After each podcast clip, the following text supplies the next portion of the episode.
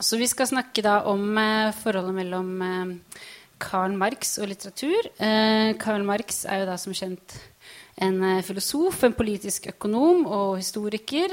Og mest kjent for verkene 'Kapitalen' og 'Det kommunistiske manifest'.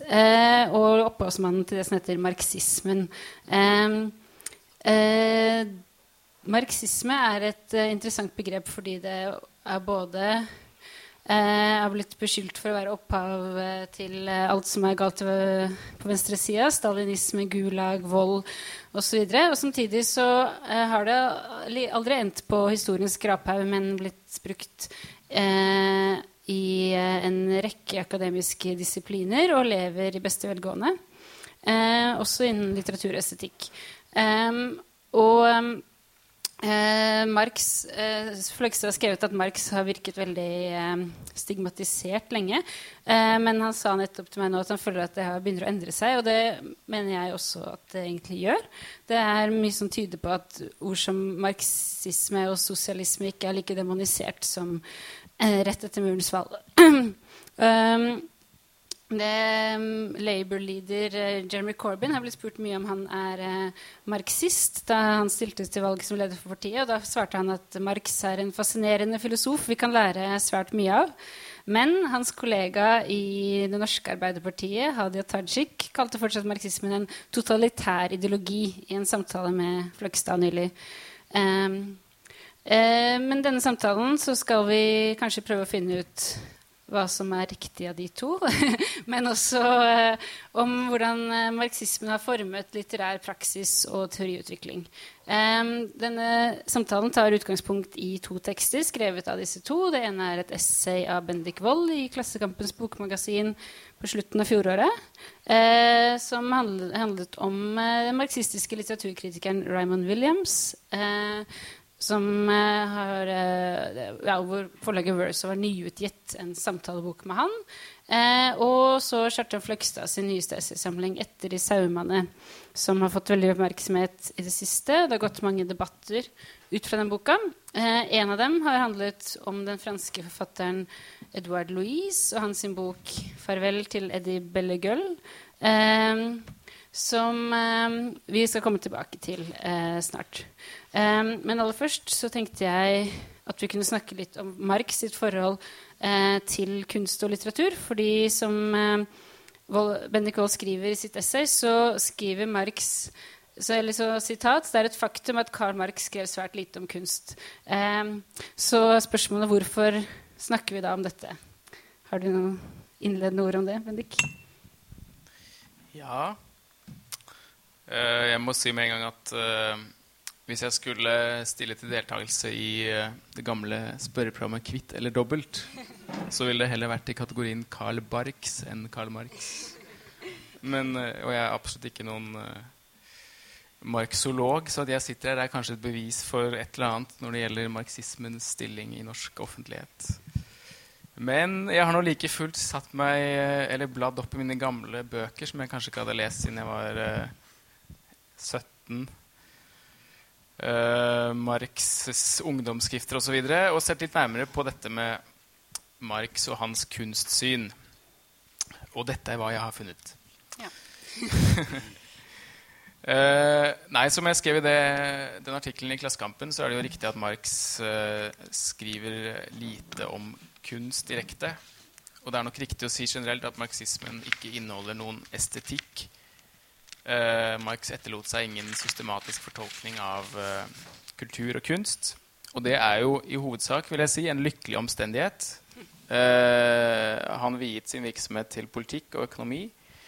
Hvis han hadde spilt krefter på å skrive en estetikk, sånn som sine forgjengere Kant og Hegel, til dømes, så ville vi ikke hatt kapitalen.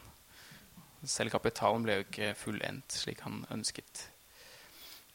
Eh, så vil selvfølgelig en del tenke eller innvende da, at eh, jo, jo, har ikke marxismen en estetikk? For det er jo veldig mye kunst og kunstfilosofi som er eh, lansert under marxismens fane. Og fra ganske tidlig så ser vi forsøk på å stable på beina en marxistisk estetikk, men den er for en stor del basert på det, vi, det man kaller gjerne speilteorien. Altså ideen om at kunst tilhører samfunnets uh, overbygning, ideologien, og at den bevisst eller ubevisst speiler basis. Dette er en uh, veldig forenkling av Marx. Kan litt tilbake til det. Men formidles bl.a. av uh, Frans Mehring, Plekhanov og en rekke russiske kritikere oppetter.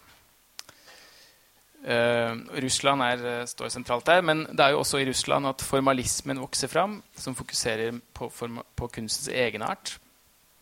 Roman Jacobsson tar med seg ideene vestover og legger grunnlaget for strukturalismen. Og i vest så får vi etter hvert også den, eh, denne Frankfurter-skolen, som forsøker å bøte på noen av skadene når det kommer til denne forenklingen av forholdet basis og overbygning. Ved å snakke om medieringer mellom basis og overbygning. Og her finner vi jo så forskjellige tenkere som eh, Adorno, Marcose, Walter Benjamin, Uh, som er veldig forskjellige seg imellom. ja. Uh, Marcose taler for kunstens opphevelse i livspraksis under sosialismen, som er veldig en, en utopisk tanke som er knytta til, til, den historiske avantgarden. Mens Adorno på sin side er mer av en grensevokter mot alle overskridelsesforsøk fra avantgardens side. Og så kan man jo si, hvis man skal strekke det litt, at også deler av poststrukturalismen på 60- og 70-tallet framover også er relatert til marxismen. Eller ble i hvert fall forsøkt og satt inn i en sånn innlemmet i en sånn venstreoffentlighet. Hvis vi ser på mottagelsen av Foucault f.eks. på norsk på 70-tallet, så ble han uh, innledningsvis framstilt som en slags uh, maktkritisk uh, fengsels- og psykiatrisosiolog og det er jo også en side ved hans virke, men eh, bare 10-15 år seinere så var han jo alle marxisters eh, dødsfiende. Men det er en litt annen historie. Men poenget mitt er at marxismen har gitt legitimitet til vidt forskjellige kunstsyn. Autonomi, estetikk, avantgardisme, sosialrealisme osv. Så så det er verdt å gå tilbake til opphavet, da, Marx, uh, og se hva han uh, sk egentlig skrev. Uh, og da kan vi ikke nøye oss med det han skrev om navngitte kunstnere fra samtida. hans litterære smak er ikke så viktig i denne sammenhengen. Som den nevnte Raymond Williams har påpekt, så vitner hans preferanser først og fremst om at han var en velorientert og intelligent mann av sin tid. Dvs. Si, som hadde en helt uh, konvensjonell leseliste da, for en som tilhørte hans sjikt. Da er det viktigere, tror jeg, å ha i mente at uh, Marx levde og virket i en tid hvor uh, estetikken gjennomsyret samfunnstenkningen generelt. Rundt midten av 1800-tallet så var det å tenke på kunst ofte det samme som å tenke på samfunn. Estetikken var ikke fullt ut etablert som disiplin, og kunstartene hadde ikke avgrenset seg og fått den relative autonomien som de har i dag. Uh, og estetikken kommer i denne perioden til å stå i sentrum for borgerskapets uh, kamp for politisk hegemoni. Og det kan høres uh, kontraintuitivt ut, men det har seg vel da slik at um,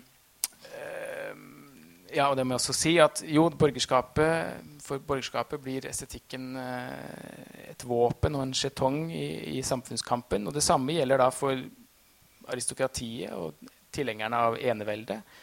Og det gjelder også det samme for kunstnerne, som på et vis havner i en skvis her idet de kastes ut på et fritt marked plutselig og er nødt til å omsette sine verker som, som alminnelige varer. Og det interessante er at disse tre grupperingene Eh, borgerskapet, monarkiet, eneveldets eh, forsvarere og kunstnerne i praksis uh, slutter opp om det samme estetiske programmet, men med litt forskjellig betoning. Det dreier seg om en idealistisk estetikk, en tanke om kunsten som forsoning. Kunsten tar religionens plass. Man ser for seg at i kunsten så kan man opphever de motsetningene som eh, ikke kan oppheves i samfunnet, mellom individ og fellesskap, subjekt og objekt, del og helhet osv. Mm. Og for borgerskapet så blir denne eh, estetikken viktig fordi den gir en idealisert versjon av deres egen samfunnsmodell. Kunstverket, det autonome kunstverket som, eh, som, kunstneren suger av sitt eget bryst uten bruk av forstanden og uten bruk av eh, begreper, det blir et bilde på det, idealtypiske borgerlige subjektet. Et individ som ikke adlyder noen ekstern makt, men som finner loven i sitt indre. Akkurat som da de fremadstormende industriherrene på markedet, så gjør kunstnerne i sine verker nøyaktig som de vil, og likevel så blir resultatet til, til fellesskapets beste. Så det er borgerskapets uh, hva skal vi si, interesser i uh, boet, hvis boet her er en idealistisk estetikk. Um, for uh, eneveldets forsvarere så representerer idealismen i større grad en slags virkelighetsflukt. En flukt fra de politiske realitetene. Den gamle overklassen reagerer på det borgerlige samfunnets arbeidsdeling og differensiering, og man lengter tilbake til den stabiliteten og sammenhengen og helheten som absolutismen tross alt kunne garantere. Da er dette savnet da kunsten blir satt til å lege. I kunsten så kan disse motsetningene oppheves og forsones. Og så har vi kunstnernes uh, interesser i det hele. Og det er jo at uh, idealismen som ideologi gir kunstprodusentene en særstilling. Uh, kunstneren får en privilegert posisjon som geni, unntaksmenneske. det innføres et skarpt skille mellom sann kunst og etterligninger. Uh, og på et vis så får også kunstnerne et fripass for å, til å um, trekke seg tilbake fra samfunnet, vende samfunnet ryggen. Og det er kan man si, det idémessige grunnlaget for modernismen sånn vi kjenner den senere. Og så kommer Karl Marx inn fra sidelinjen. Og han er selvfølgelig en mann av sin tid, så han er ikke upåvirket av dette kunstsynet. Uh, og han var en, eh, en kunst vil, ja, Kanskje ikke en kunstelsker, men han var i hvert fall oppdatert. Og under sin innflytelse av sin svigerfar, baron von Westfalen, så hadde han uh, tatt lange aftensturer og, uh, og hørt Homer og Shakespeare sitert, så han kunne visstnok hele Shakespeare-stykker utenat. Um, ved universitetet hadde han fulgt uh, romantikeren Schlegels forelesninger om antikk, antikk, litteratur, som han kjente veldig godt. Han var omgangsvenn med Heinrich Heine, som var en sart, romantisk poet som uh, hadde lett for å briste i gråt ved den minste kritikk, ifølge samtidige rapporter. Og Marx hadde selv skrevet dikt til sin uh, blivende kone Jenny Uh, og en humoristisk roman, 'Skorpion und Felix', som visstnok var inspirert av Lawrence Stern. Og så, videre. så det fins mange, mange vitnesbyrd om at han var kulturinteressert. Men eh, som jeg antydet tidligere, det, dette er ikke det vesentlige ved Marx uh, sine eventuelle bidrag til estetikken. Altså, det vesentlige er at han i sin, sine avisartikler og sine filosofiske arbeider fra denne perioden eh, konsekvent stiller seg avvisende til idealismen og til romantikken og til spiritualitet generelt og til eh, det vi kan kalle estetiseringen av samfunnslivet. Jeg skal gi et eksempel på det siste. Um, I Prøysen så overtok uh, Fredrik Wilhelm 4. tronen i 1840. Han ble regnet som en romantiker inspirert av idealene fra det tysk-romerske riket under middelalderen og var en typisk representant for restaurasjonen sånn i Europa. Um, borgerskapet så mildt på ham fordi han uh, ble ansett for noe, å være mer, noe mer liberal enn sin far, eh, bl.a. når det kom til sensur. Men dette var en eh, virkelig utkrøpen form for liberalisering. Eh, tidligere så hadde aviser og tidsskrifter eh, måttet innbetale en slags eh, garantisum for sømmelig oppførsel. Et slags depositum, sånn jeg forstår det. Eh, under den nye kongen ble det oppretta en sensurinstans som tilsynelatende bedømte publikasjonenes kvalitet. Avisene måtte opp, oppvise litterær dugelighet, og de måtte inneha en viss uh, sosial status. såkalt. Uh, så i en av hans første polemikker så går Marx løs på dette fenomenet. Og han ser selvfølgelig rett gjennom denne skinnliberaliseringen. For ham så er dette et bevis snarere på at makten blir estetisert.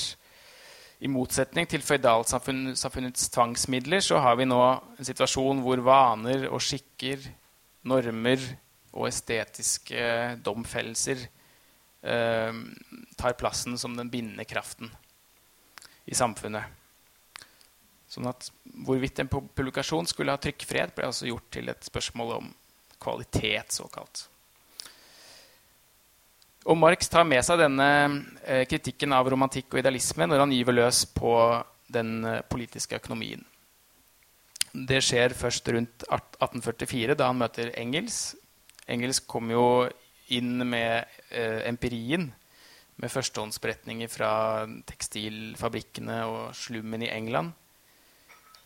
Um, men i kritikken av vareformen og av pengene og fremmedgjøringen så mobiliserer Marx et begrepsapparat som er kjent for, for, hans lesere fra før.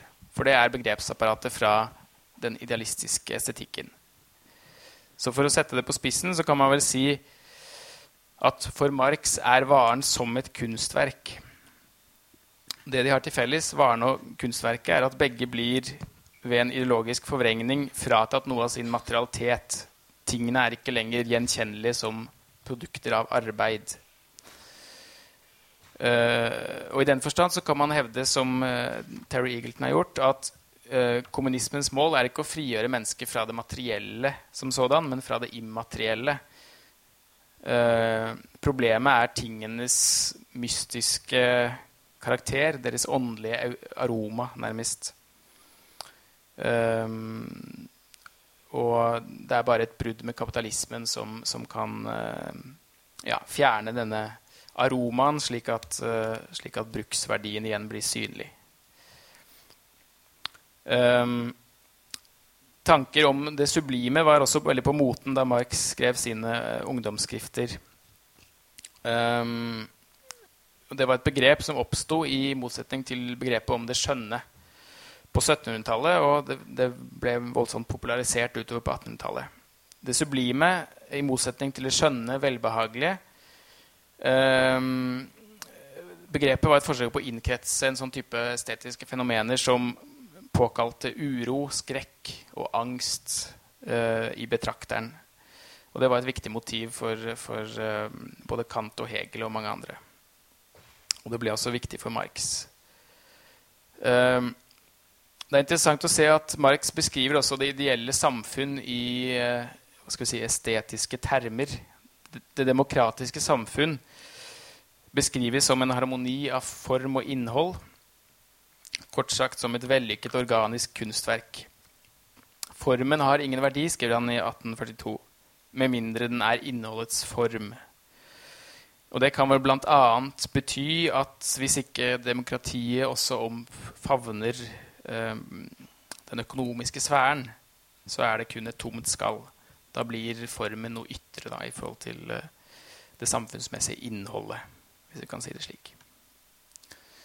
Eh, men mot det, demokratiske samfunnet så stiller Marx kapitalismen, som han eh, implisitt da framstiller som en type negativ sublimitet. Um, og han svinger seg virkelig til de store retoriske høyder når han beskriver kapitalens grenseløse utbredelse, kvalitet som slår over i kvantitet, uh, det at penger går fra å være et middel til å bli et mål i seg selv, og ikke minst uh, det han kaller citat, 'alle tings forveksling og forbytting' pengenes makt til å gjøre kjærlighet til hat, hat til kjærlighet, trell til herre, herre til trell osv. Ja, så for å gjøre en lang historie kort eh, Marx fant ikke plass til noen estetikk i sitt eh, system. Men estetikken gjennomsyrer likevel alt han eh, skriver om politikk og økonomi. Så litt spisset kan vi si at han analyserer samfunnet, kapitalismen, som et kunstverk, og at han finner det monstrøst. Ja. Tusen takk. Um, ja, um, har du noen kommentarer til dette? Jeg, jeg tenker på um, Bendik kom jo litt inn på dette med at estetikken som blitt våpen for borgerskapet og grunnlaget for modernismen, og det skriver du mye om i etter disse emnene. Ja, har du ja, først uh, vil jeg vel si at ja, Bendik uh, trekket inn Carl Barks, så får jeg trekke inn tre andre marxister. Altså, en kan velge om en skal være eh, marxist av Grouchos tendens, eller Chico eller Harpo. Harpo var stum, og det passer ikke så godt i, i kveld. Chico snakka med italiensk aksent, og, og, og, Groucho fortalte vitser. Det, litt, det, går kanskje litt bedre. Men eh, um, Nei, altså Marx har jo ikke skrevet mye om, om uh, kunst og sånn. Men på en annen, han har jo skrevet veldig mye som ikke er uh, filosofi og ikke er samfunnsteori direkte. Han er på en måte forfatter. Veldig få å tenke på. Jeg husker Piketty i vinter ble intervjua av Marx og hadde så vidt lest 'Kapitalen'. Syntes det var guds litt kjedelig. Men uh, ungdom, ungdommen Marx, da han var journalist, var jo en fryktelig debattant og polemiker som kunne skremme vettet av noen enhver i dag. Og han la grunnlaget for uh, en, ikke, en, en tvetydig tradisjon i, i, i, marxismen, da marxismen var på uh, høyden, altså ved utskjelling av uh, motstandere og oppretting av uh, englenes rangorden og djevlenes rangorden, der du ble plassert. Og i, i det store marxistisk inspirerte samfunnet, Sovjetsamveldet, så var jo det farlige saker. Altså det, det å ja, det havna blant djevlenes rangorden. Men eh, nei, altså jeg si, altså jeg er, jo, jeg er jo her som skjønnlitterær forfatter. Og så har jeg forholdt meg til Marx i alle år og lest Marx. Og, det vil si jeg har lest ungdomsskriftene og lest eh, journalistikken, som jeg har likt veldig godt. Hvis jeg kommer i godt humør, så kan jeg lese eh, persiflasjen han holder på med i ungdomsskriftene. Men eh, jeg har òg funnet ut i løpet av mitt lange samvær eh, litterært med Marx at han er på en måte en farlig, en farlig venn for eh, å skrive skjønnlitterært. Altså, den, uh, hvis du, Iallfall hvis du går inn i den økonomiske teorien og samfunnsteorien og begynner å hente begreper ned fra kapitalen og grunnrisset og alt det der, så blir det ganske fort stivt. Slik at jeg har kommet til at uh, jeg, altså, jeg holdt på å si jeg skal snakke anekdotisk om Marx, men altså at eh, det jeg forholder meg til, er nokså enkle begrep når det gjelder Marx. Altså arbeid. Det er hovedbegrepet, altså som utveksling mellom kultur og, og natur. Det har eh, Dag Østerberg skrevet veldig godt om. Den norske filosofen Dag Østerberg. Eh, mange som, når Hvis en hører begrepet eh, eh, arbeiderlitteratur, så tenker en på enkle ting der det, står eh, karer og kvinner i overhold og sier ja vel og ok og, og tar skiftenøkkelen og sånn. Mens eh, for den, i den marxistiske tradisjonen er arbeid helt sentralt. Det er liksom det som eh, Ja, det er sånn vi definerer altså vi mennesker definerer vårt forhold til mennesket og historien. Så selv om, om han ikke har skrevet om om estetikk, så, så ligger det en, en, slags estetikk implisitt i den samfunnsteorien som, eh, som uh, Marx har etterlatt seg, og som jo ikke er en teori. Det er, det er jo, må om, En må snakke om mange marxismer. Og um, den som har dominert det lenge, og som vel Bendik er mest prega av, og vi alle er mest prega av, den vestmarxismen. og den kritiske teorien eh, slik som den eh, kom til uttrykk eh, i den såkalte Frankfurterskolen med Adorno eh, i spissen. Og mm, jeg har eh, lest, prøvd å lese Adorno òg, og etter hvert kom til at eh, det er veldig mye klassespesifikt i det Adorno skriver. Altså Han er i veldig stor grad, særlig når han skriver om estetiske spørsmål, eh, eh prega av sin bakgrunn. F.eks. når han skriver om musikk. Han var, jo, han var jo komponist, holdt på å si en slags komponist, men han var klassisk komponist. Det vil si at han har et begrep om alt som ikke er klassisk musikk, som han kaller for jazz, og som da er falsk bevissthet. Altså det, er på det nivået. Og mange etter han har forholdt seg til det. Den berømte komponisten Hense, altså, eh, som var eh, avantgardist. Eh, ja, han mener at folk altså, be, eh, blir fordumma av populærmusikken. Og ok, folk blir fordumma av populærmusikken, men blir det så, så klok av å gå i, i, i konserthuset og hører på den tyske kanoen igjen og igjen? Det er noe jeg i tvil om. Det har jeg stilt spørsmål ved i denne boka mi. Sånn at altså, Marx, er, Marx, for meg er et, Marxismen er et samfunnssyn som ligger i bånn. Og så er det det at um, um, Ja, jeg, jeg er blitt så gammel at jeg nesten er et slags tidsvitne. Altså, mine former nå var 1950-tallet. Industrialismens lykkelige øyeblikk. Eh, eh, marxismen er òg nært knytta til industrien, industriarbeidet. Eh, slik at det å kunne mm, vie altså Et mål med den boka som jeg har gitt ut nå, er å kunne overføre noen eh, litterære erfaringer, eh, personlige erfaringer, fra det å ha vært oppvoksen i og blitt forma av et, eh, et rent industrisamfunn. Og jeg, Da jeg snakka med Hadia Tajik på scenen på Kulturhuset, så sa jeg for å prøve å være frekk at det, det aldri eksistert et samfunn som har vært så marxistisk eh, eh, gjennomsyra av marxismen som Norge på 1950-tallet. Det, det svarte du ikke på direkte, da.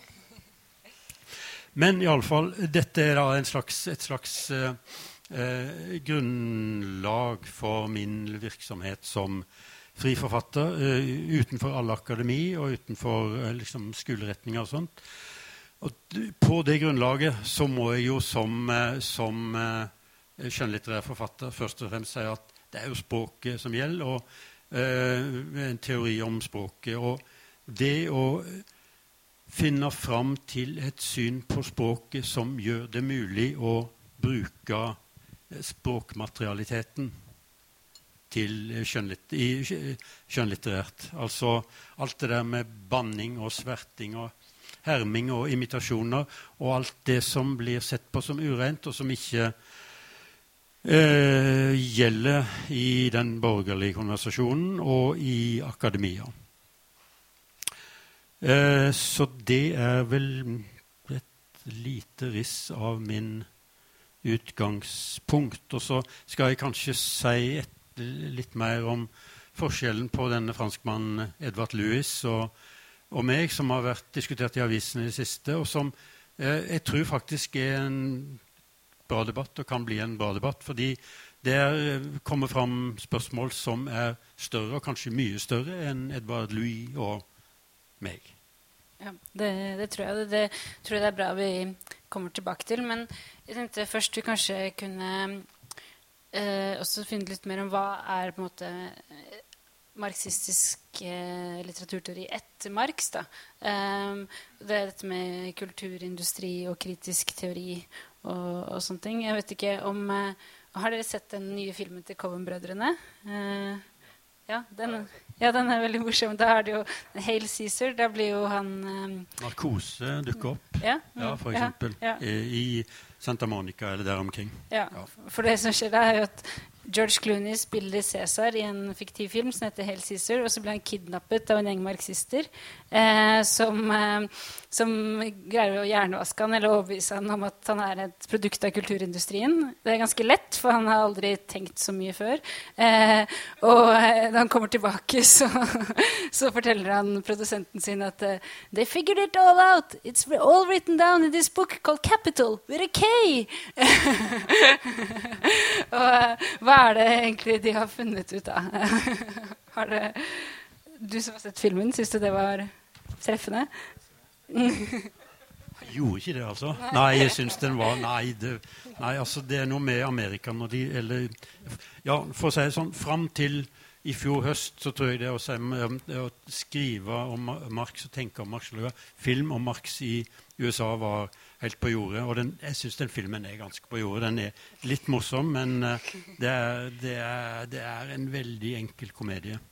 Um, mm, nei, sånn at uh, eh, Jeg tror vel egentlig ikke at den er på nivå med den diskusjonen vi prøver å få til. ja. uh, men, uh, men, hva er kulturindustrien, da? ja, la meg begynne i en annen ende. Ja.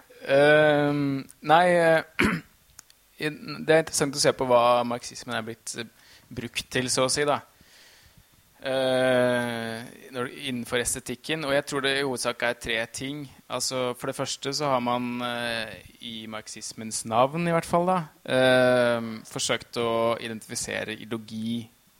Altså brukt marxismen som en slags rettesnor for lesing. Hvor man har forsøkt å identifisere ideologi i kunstverk. Ja. Skal vi holde oss til litteraturen her nå? Ja? Litterære verker. Mm. Med veldig blandet resultat. Og veldig ofte så har man da bare reprodusert den, denne nevnte speilteorien, hvor kultur blir betraktet som uh, en del av en samfunnsmessig bevissthet som kan tilbakeføres til basis på et eller annet vis.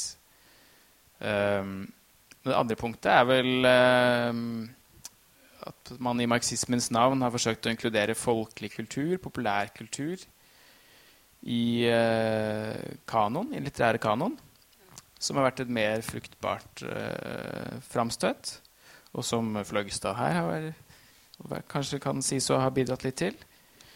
Og Det tredje punktet er vel uh, litteratursosiologi, tenker jeg. Som, uh, eller bokhistorie, som man nå kanskje kaller det. Altså at man har uh, analysert de litterære produksjonsforholdene, rett og slett, sosiologisk.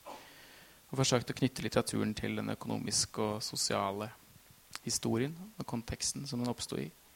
Og det også har vært et eh, mer fruktbart løp. da. Og så har vi eh, jo en spesiell historie i Norge med maoismen og det at man hadde en partilitteratur som var skrevet etter et program. Uh, men det handler om, mer om det som har skjedd på produsentsida. Og det er en historie for seg. Og at en så stor del av forfatterstanden gikk inn på sånt prosjekt osv. Så det er det mye å si om. Og, ja. men, uh, men, jeg oppfatter det som de, som, uh, på en måte de viktigste formene for anvendelse. Og litteratursosiologi det handler om å, å, lese avtrykk av klasse i ulike verker og måtte følge historien gjennom litteraturhistorien? Eller? Ja, ikke nødvendigvis bare med utkikk etter klasse. fordi uh, her kom det jo et veldig viktig bidrag fra den franske kultursosiologen Bourdieu, f.eks. Uh, som, uh, som uh, på en måte brøt opp det hva skal si, enaksede systemet som marxisten opererte med, som, hvor det kun var en, si, en økonomisk skala. Å innføre begrepet om symbolsk kapital. ikke sant?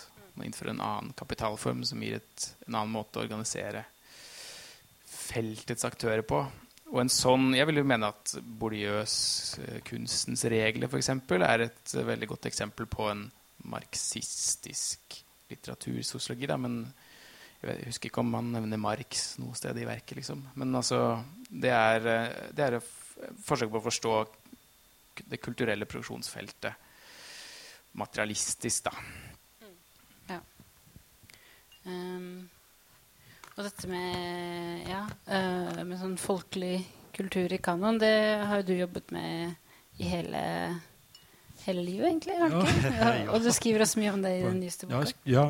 Mm.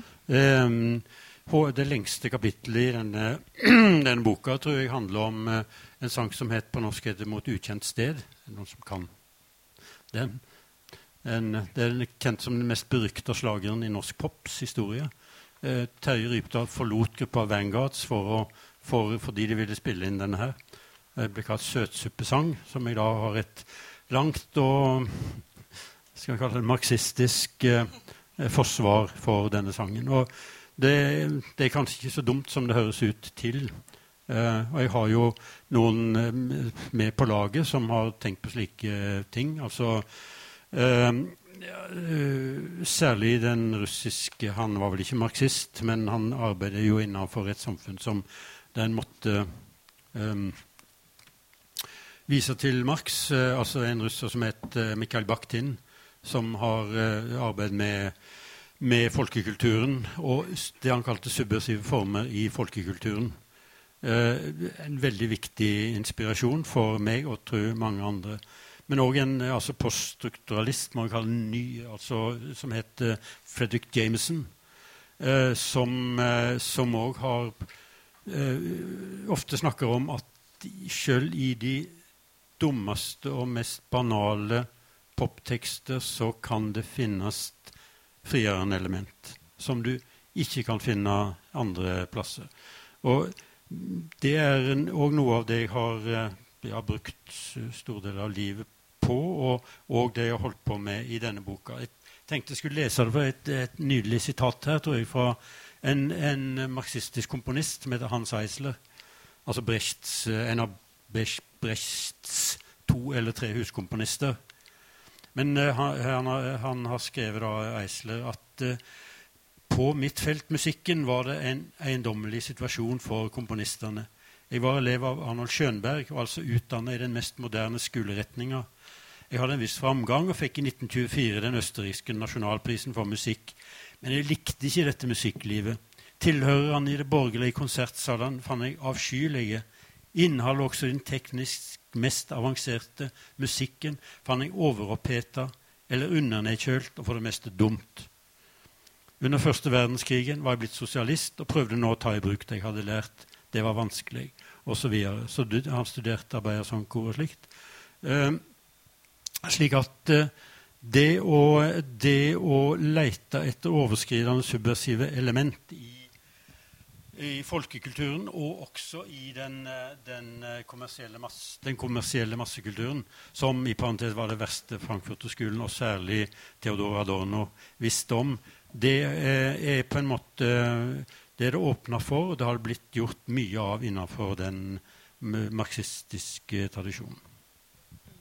Du mener at, også at skillet mellom høyt og lavt er veldig, er ganske porøst og også veldig konstruert. At man, og at man hele tiden må konstruere det på nytt for å forsøke å holde folkekulturen unna. Man har vel tatt Prøysen inn, men andre elementer skal fortsatt holdes ute. Og, og man hele tiden konstruerer det på nytt.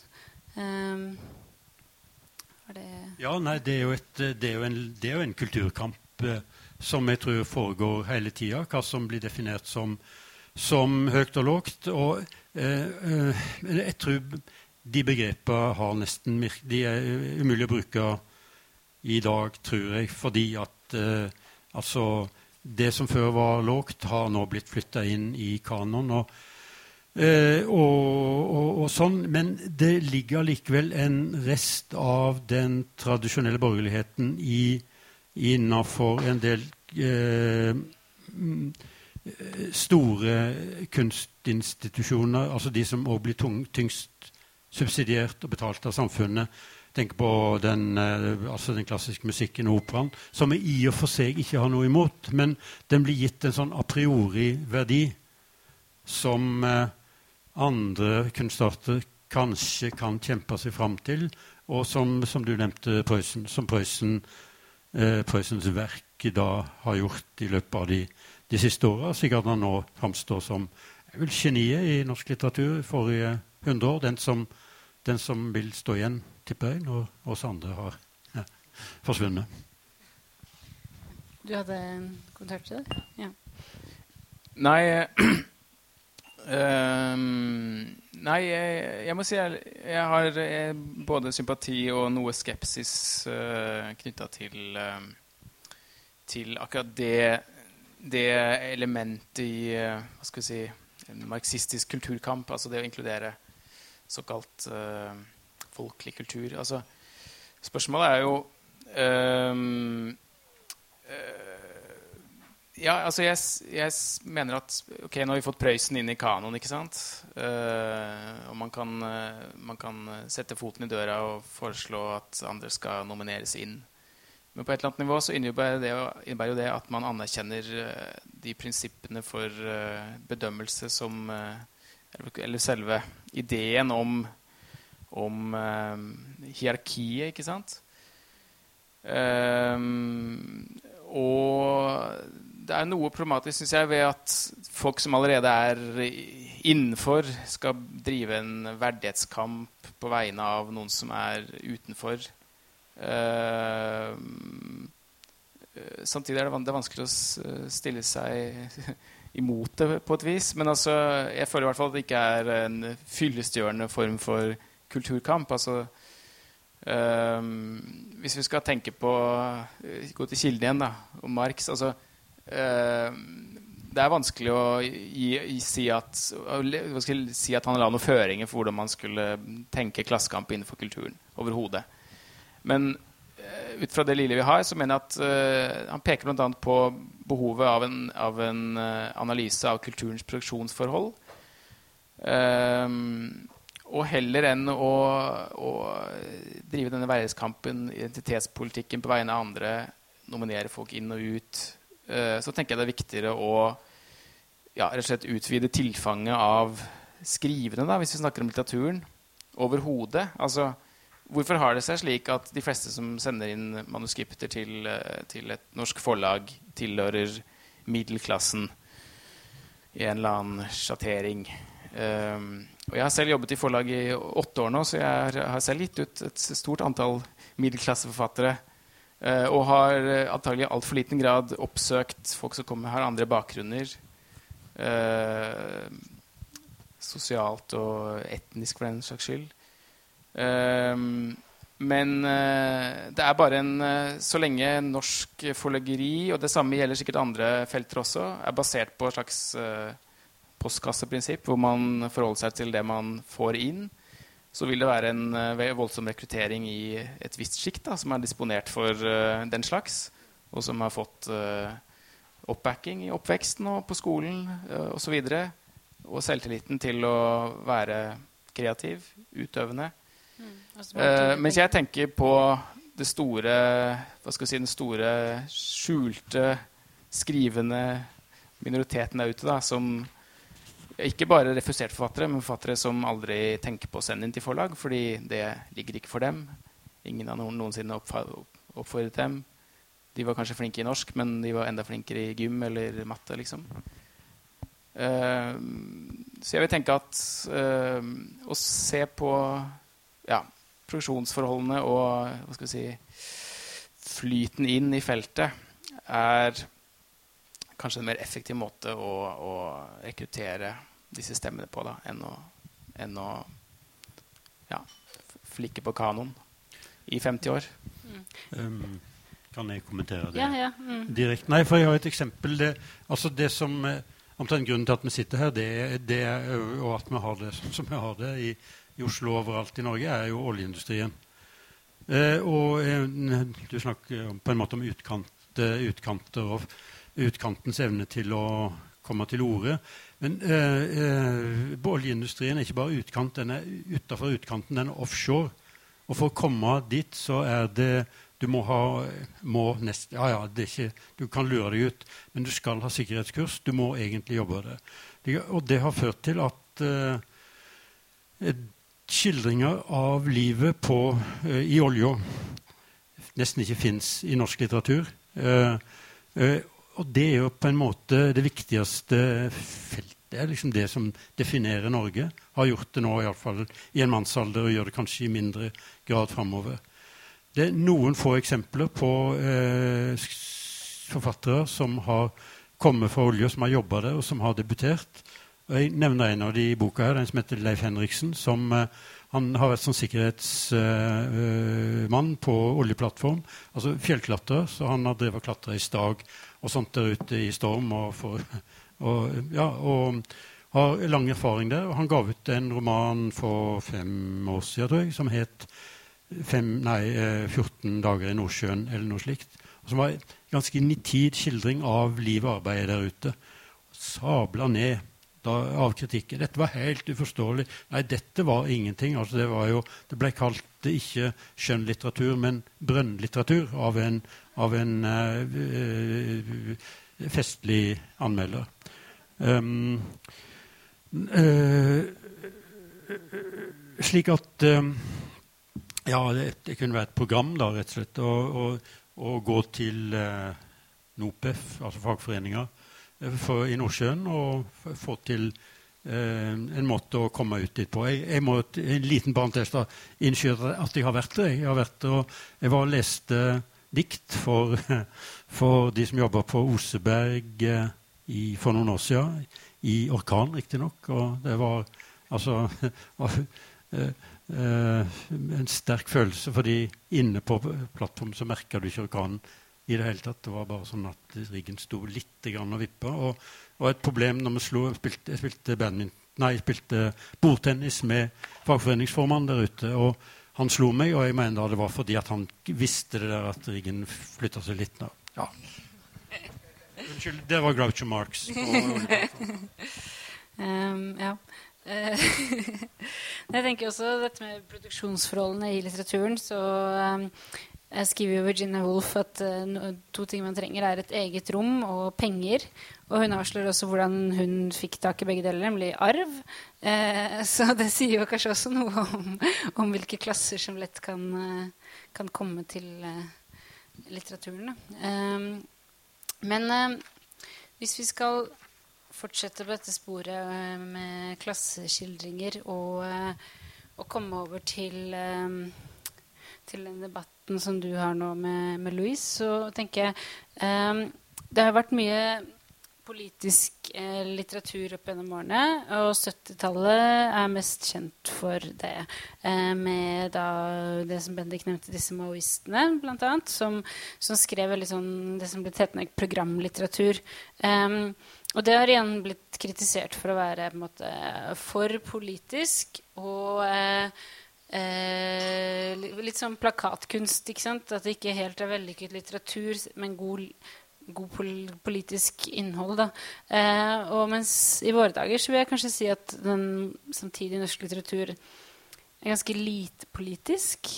Eh, er du enig i det, Flekstad? Og altså, hvor, er, det veldig vanskelig å skrive om Hvor vanskelig er det å skrive om litteratur og, og politikk? Kan um, kan det blandes. Og, eller en annen ting som Du skriver også at ord som klassekamp og utbytting og klasse og kapital er tatt ut av språket. Eh, er det noe som bør på en måte tilbake? Og, og, kan man få til det på en bedre måte enn et sånt maoistisk programlitteratur? Det var veldig mye. ja. Vi begynner med 70-tallet. Det, ja. de det er umulig å, gi, å gjengi hvor barokt det var politisk. Men altså, eh, hoveds, eh, hovedsetningen er at eh, AKP, AKP-litteraturen var eh, høyere. Det, altså, det var mange som mente, og det mener jeg stadig. De hadde ingenting med, med venstresida Jo, de hadde noe med venstresida å gjøre, men altså, de, var, de, inntok i mange spørsmål ekstremt høyreorienterte standpunkt. Eh, så eh, ha, Jo, det, det, går jo absolutt an å blande eh, litteratur og politikk. Eh, og det er jo ikke alltid at blandingsforhold er det beste, men svært ofte eh, blir det enten påstått at det er politisk, altså litteraturen sier om seg sjøl at den er politisk, eller så blir det politiske så å si spikra utenpå som et slags eh, eh stillas. Um, men jeg tror, som, jeg, tror jeg kan eh, altså den, den, der debatten som du har eh, alludert til nå, mellom han Louis og meg, den, den, kan kanskje uttrykke noen av de eh, motsetningene som ligger i det spørsmålet. Så jeg har lagd en, eh, nærmest en harang her som jeg, eh, som jeg har gjort ferdig og skal lese del av, iallfall. Ja, det er veldig bra. Men skal vi forklare først kjapt hva den debatten er? Eller? Ja, eh, ja, det, ja, det er jo sant. Ja. Det, ja. Jeg vet ikke om alle her uh, i salen har lest, men det handler altså om at du tar veldig kjapt. Edouard Louis uh, har gitt ut denne boka i Frankrike, og den kom på norsk i fjor. Eh, og den handler om hans klassereise fra eh, arbeiderklassen, eller filleproletariatet kanskje, i Nord-Frankrike, til en eh, mer sånn teater- og allmennfaglig orientert videregående, og videre inn i Paris. Eh, han er homofil, og føler, han, blir, han, blir, veldig mobbet for det og banket opp osv., så, videre, så han føler han må vekk fra dette samfunnet og blir veldig fri når han slipper unna. Eh, og beskrivelsene av denne klassen er ganske eh, hard. Det er, liksom, det er ikke måte på hvor voldelige og forfylla og forferdelige og eh, fattige eh, folk er der, og hvor eh, opptatt de bare er av eh, å drikke og pule og slåss. Og, ja. og den boka har blitt hyllet, i hvert fall ifølge Fløgstad, i, av mange kritikere i Klassekampen. Nei, nei, i Frankrike. Den har fått god anmeldelse i Klassekampen. Men uh, i Frankrike, for liksom Her kom uh, Det var veldig uh, ja, Det var noe man hadde ventet på i borgerskapet. Da. En bok som liksom sier at ja, akkurat så jævlig som du trodde arbeiderklassen var, sånn er den. og det syns Fløgstad er litt urettferdig. Um, og eh, han kom med noen kritikk av den mottagelsen i sin bok. Og så har det fortsatt i avisspaltene i Morgenbladet. Han snakket om det i et intervju der, og Edvard Louis ble intervjuet da om Fløgstads kritikk i nyeste Morgenbladet.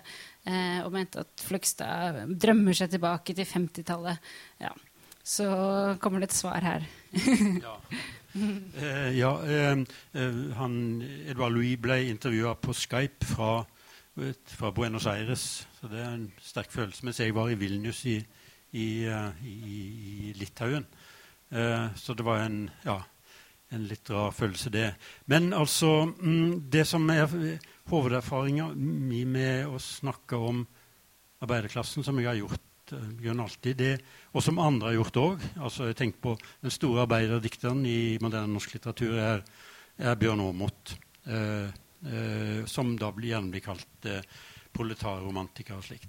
Men altså, den provokative krafta i å si noe vakkert om livet i arbeiderklassen er forbløffende. Men det er òg et godt tegn.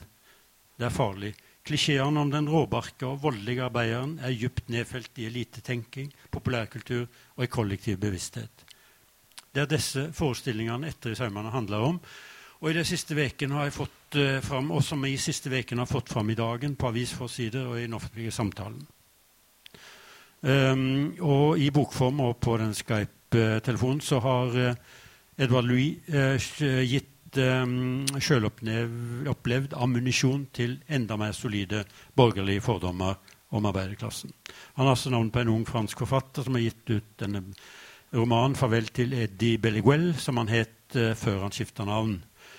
Eh, det kritiske jubelbrus har skapt en sjølbiografisk roman om Eddie Belliguel om til fenomenet Edouard Louis. Opp mot denne følsomme klassereisa stiliserer kritikken, slik f.eks. Aftenpostens bokmelder uttrykte det, forfatterens nøye sitat, åndsfattige, pengefattige, voldsherjede, alkoholforstyrrede og rasistiske arbeiderklassebakgrunn. Og så har den følsomme klassereisa gått videre som lanseringsturné. Over hele verden får pene mennesker bekrefta sine verste mistanker om arbeiderklassen. Kroppsarbeidere er hardhauser som slår hverandre. Ja, de drikker alkohol. De ser TV.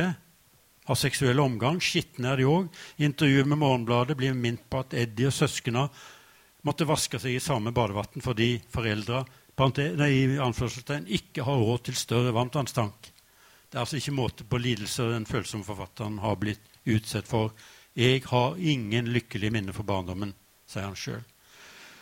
Midt i den overveldende kritisk kommersielle suksessen sender Novelle Ops i, altså i bladet i Paris journalisten David eh, Caviglioli til Alancourt, som er barndomsbyen til Louis. I reportasjen gjorde Caviglioli et par faktiske feil, og svaret fra Edouard Louis var minst like krakilsk som kommentarene i Skype-intervjuet med Morgenbladet. I begge tilfeller inntok Louis offerrolla. I Alancourt hadde han vært offer for folk i byen.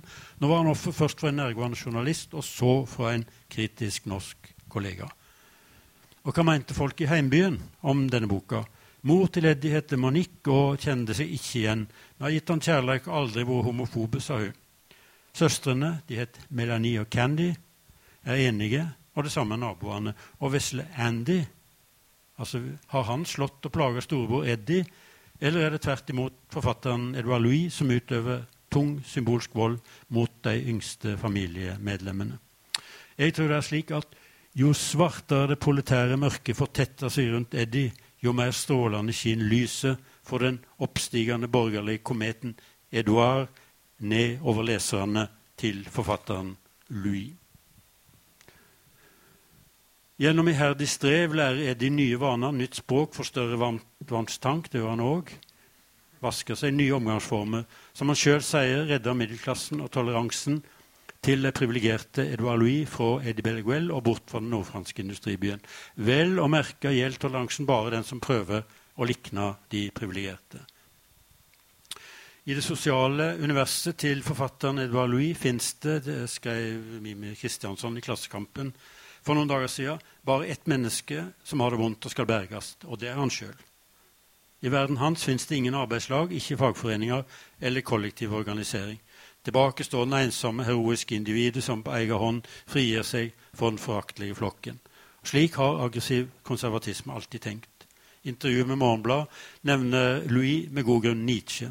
Hos Ayn Rand kunne han også finne mye å glede seg over.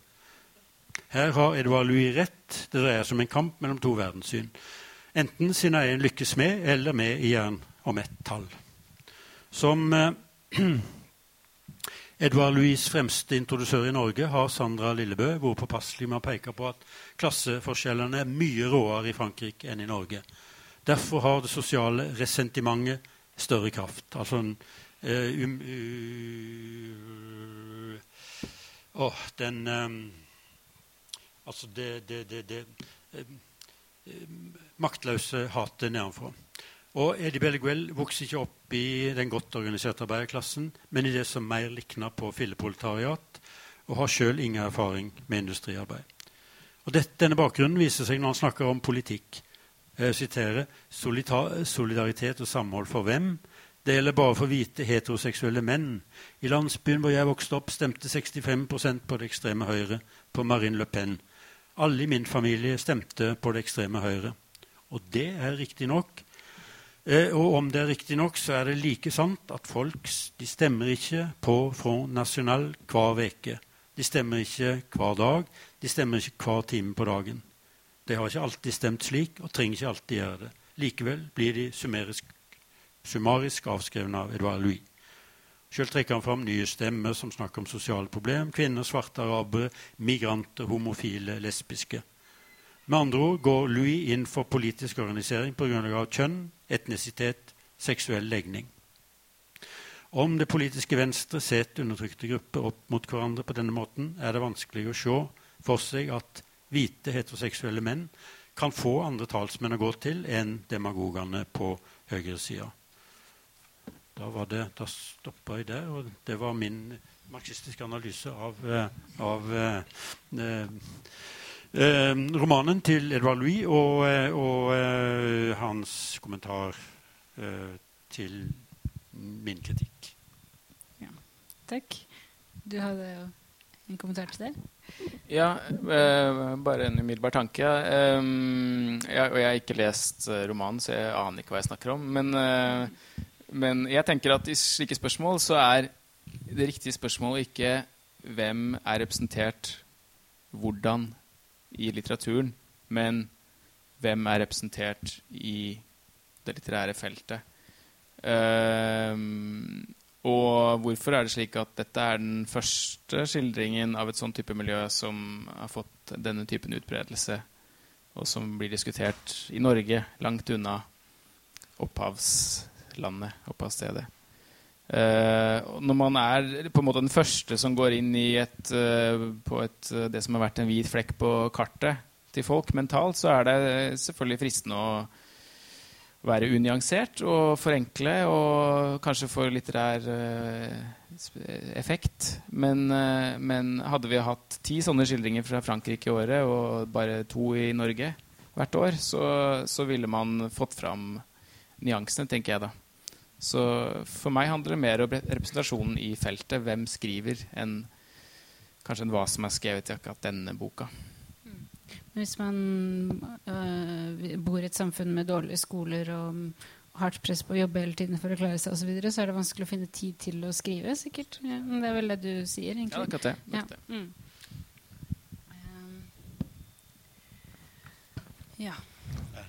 Mm? Du er enig i det? det? Ja. Det er mye mer jeg kunne snakket om, men uh, Ja, på, du har jo også skrevet en del om industriarbeiderklassen i, i romanform. Eh, og slik jeg tenker på f.eks. åpningen av Gran Manila, så har du en del en del noe som ligner. ikke sant? F.eks. hvordan man både beundrer boklig lærdom og samtidig er skeptisk til det osv. Men samtidig har du en helt annen skildring av, eh, av samhold og, eh, og, klokskap og um, ja, osv. Føler du at, måte, at dere stanger mot hverandre, eller fins begge disse tingene i arbeiderklassen? Så har en av dere rett? Eller begge? Ja, be ja, altså begge. Alt, altså, alt fins jo. Altså, det er full av elendighet og spetakkel og, og, det som verre er. Men uh, det er veldig rart at uh, Det er veldig rart å tenke seg et samfunn der det på en måte er en rettferdig som klarer å uh, Som overlever fordi han klarer å komme seg unna 14 år gammel til videregående skole i Amiens, tror jeg det heter. Og Eh, alle de andre de er bøller. Eh, homofobe, rasister. Stemmer alltid på nasjonal front. Eh, plager livet av eh, den ene rettferdige. Det er et eh, Altså, I en roman så går det an å skrive det. Men her er det da en selvbiografisk roman der forfatteren påstår at det han skriver, er sant i biografisk forstand. Eh, og det er ikke troverdig. Altså at um, alle i Alancour er så å si udyr som, uh, som uh, ja, lever et liv som, som ja, nærmest subhumant, slik han beskriver det. sånn at det, det, er ikke det at de benekter at det fins slike tilstander som han beskriver, men de er at det er totalt enerådende, og at det gir et noe tilnærmet korrekt bilde av livet i en, en fransk industriby som er ramma av nyliberalismens herjinger. Det tror jeg ikke noe på. Det er, der vil det alltid være folk. Det vil være ei jente akkurat nå som går der i gata i Alancourt og hører en, kanskje en ari ut fra et vindu i andre etasje. Og det vil være en familie som prøver å få endene til å møtes. og det vil være Ei dame som tar bussen til nærmeste by for å få seg en jobb i jobben som har mista, osv. Slike ting er det ikke spor av i denne romanen til mm, Louis. Som, og det gir på en måte ammunisjon til eh, det jeg kaller altså dype, nedfelte forestillinger om hva arbeiderklassen, dvs. Si de andre, er. Takk. Um, jeg ser på klokka, så vi holdt på i litt over en time. Um, ja. Uh, jeg tror da vi, vi avslutter der. Um, tusen takk for at dere kom.